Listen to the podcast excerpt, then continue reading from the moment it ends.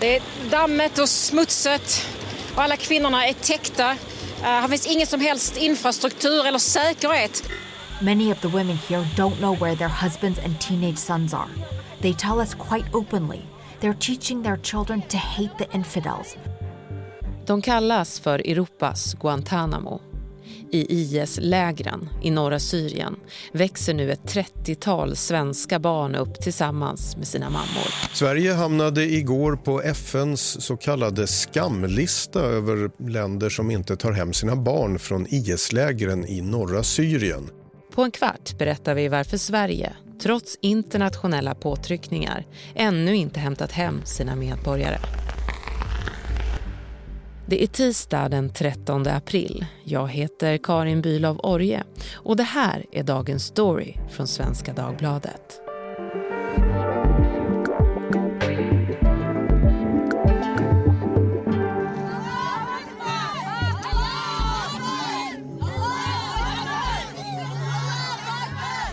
Livet i de här lägren likställs med tortyr av FN. Jesper Sundén, Mellanöstern-analytiker här på Svenskan. Skulle du också beskriva det så?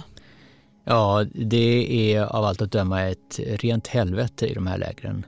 Det är brist på rent vatten, det finns inga ordentliga toaletter, man bor i tält. Det är dessutom oerhört våldsamt. Enligt syriska människorättsobservatoriet så har det skett ett 40-tal mord sedan januari i år. Det är inte en lämplig miljö för, för barn eller för kvinnor eller för någon.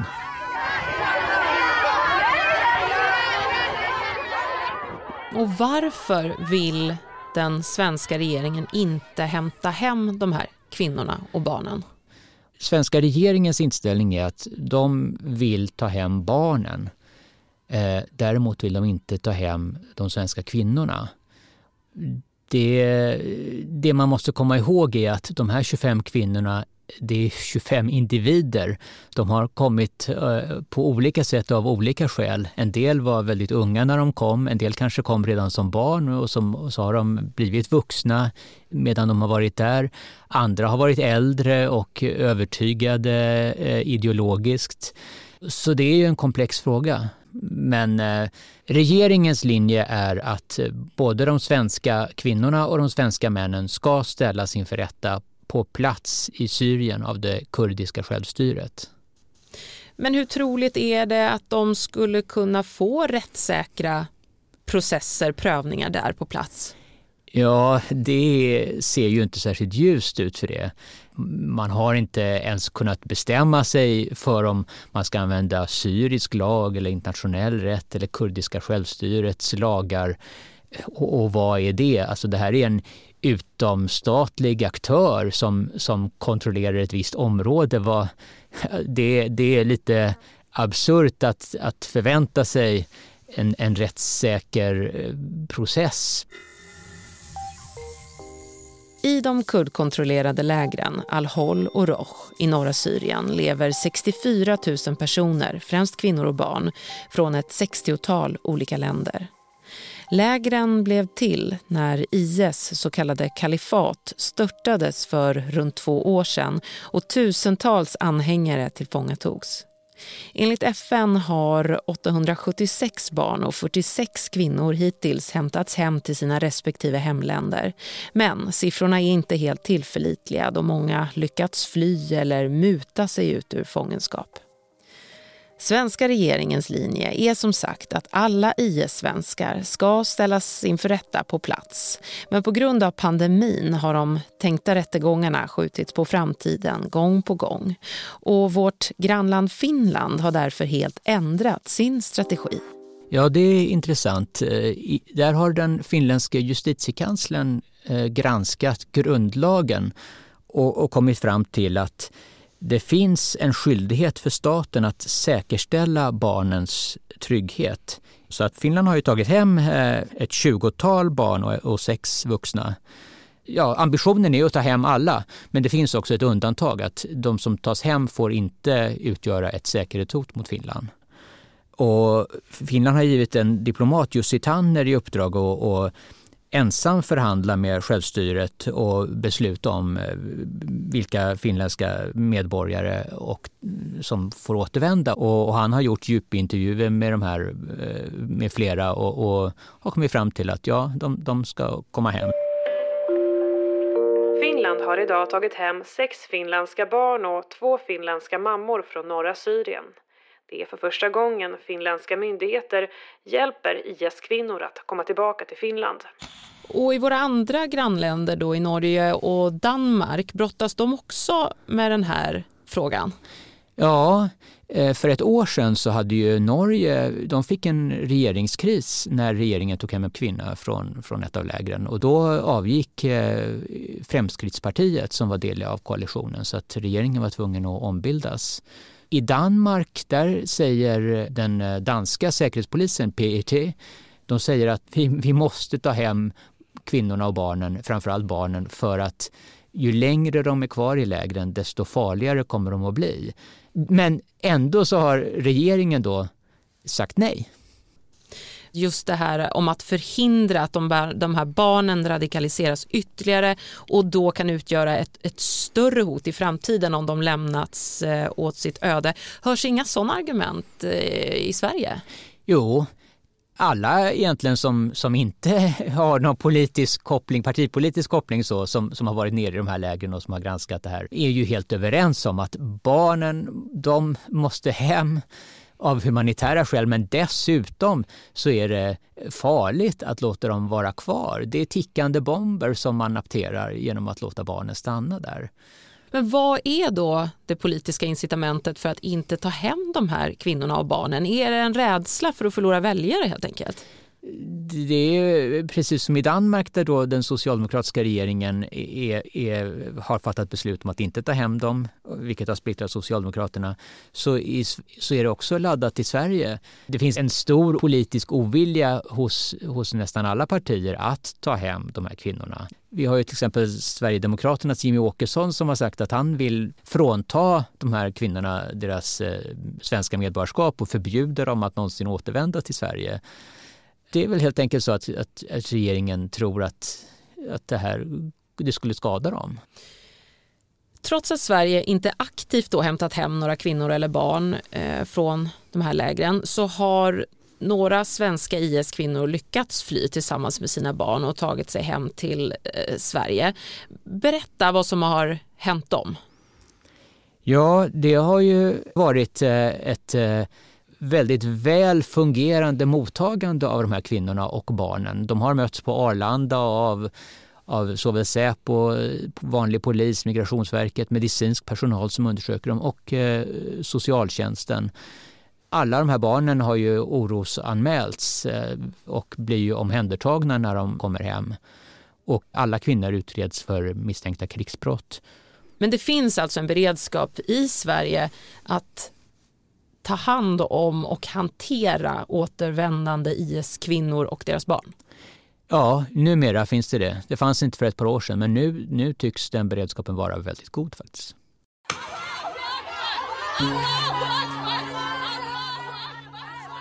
Sverige har anmälts till Europadomstolen för att man låter kvinnorna och barnen vara kvar i lägren. Om Europadomstolen väljer att kritisera Sverige så kan det få stor betydelse eftersom regeringen brukar följa deras yttranden och domar. FN har dock redan kritiserat Sverige men trots det har de svenska medborgarna inte hämtats än. Och så sent som i fredags debatterades frågan i riksdagen och inte heller då kom det några nya besked från utrikesminister Ann Linde. Jag vill upprepa att det inte ska råda något tvivel om att regeringen gör vad den kan för de svenska barnen i nordöstra Syrien. Och vad säger eh, kurdiska självstyret då? Ser de några problem i att Sverige skulle få åka ner med representanter och, och hämta hem de här kvinnorna och barnen? Alltså, kurdiska självstyret har ju under flera år vädjat till omvärlden att ta hem era medborgare. Vi klarar inte av det här. Alltså kurdiska självstyret de, de har ju inte pengar, de, de utsätts för attacker från turkiskt håll, från, från IS. De har svårt att hantera det här, de har knappt mat så det räcker till alla fångar. To step into this camp is to witness a strange mutation of the caliphate kept alive by the widows and wives of ISIS. För två år sedan hjälpte UD IS-terroristen Mikael Skråmos sju föräldralösa barn att eh, komma till Sverige. Hur har det gått för dem? Ja, de här barnen har ju tagits om hand av sociala myndigheter och placerats ut i, i fosterfamiljer. Och även om inga detaljer är kända så, så enligt rapporter så ska det ha förlöpt bra. Den här processen då, den drevs ju i högsta grad på barnens morfar. Men var det för att barnen hade förlorat båda sina föräldrar som möjliggjorde för Sverige att ta hem dem? Ja, det, det var det ju. Men det kan man ju säga att det var inte tillräckligt för Patricio Galvez, eh, morfar, han, han fick ju kämpa i flera veckor faktiskt för att eh, Sverige skulle ta hem de här. Så UD hade inte agerat på egen hand i det här fallet utan det var hans påtryckningar som, som fick hem barnen? Det tycks ju så. Utöver de uppmärksammade sju föräldralösa skråmobarnen så har ytterligare elva svenska barn återvänt till Sverige med sina mammor utan myndigheternas hjälp. Men kvar finns alltså 25 mammor och ett 30-tal barn. Sverige har erbjudit att ta hem enbart barnen men ingen av kvinnorna har velat skiljas från sina barn. Och barnen är av stor vikt i de här lägren. Många av dem utnyttjas som inkomstkälla, arbetskraft och fostras till framtida IS-krigare. Det finns även rapporter om att tre föräldralösa svenska barn försvunnit i lägren och att myndigheterna inte har kunnat hitta dem. Det kan dels handla om att eh, de kvinnor som tar hand om de här barnen får extra pengar för det av IS. Det kan ju vara så att man vill utnyttja dem för arbetskraft. Eh, eller det kan också handla om om man, många kvinnor har ju en, en ideologisk eh, övertygelse om att man väntar på nästa fas så att säga så att man, man ska behålla de här barnen för att de ska utgöra en, en ny generation.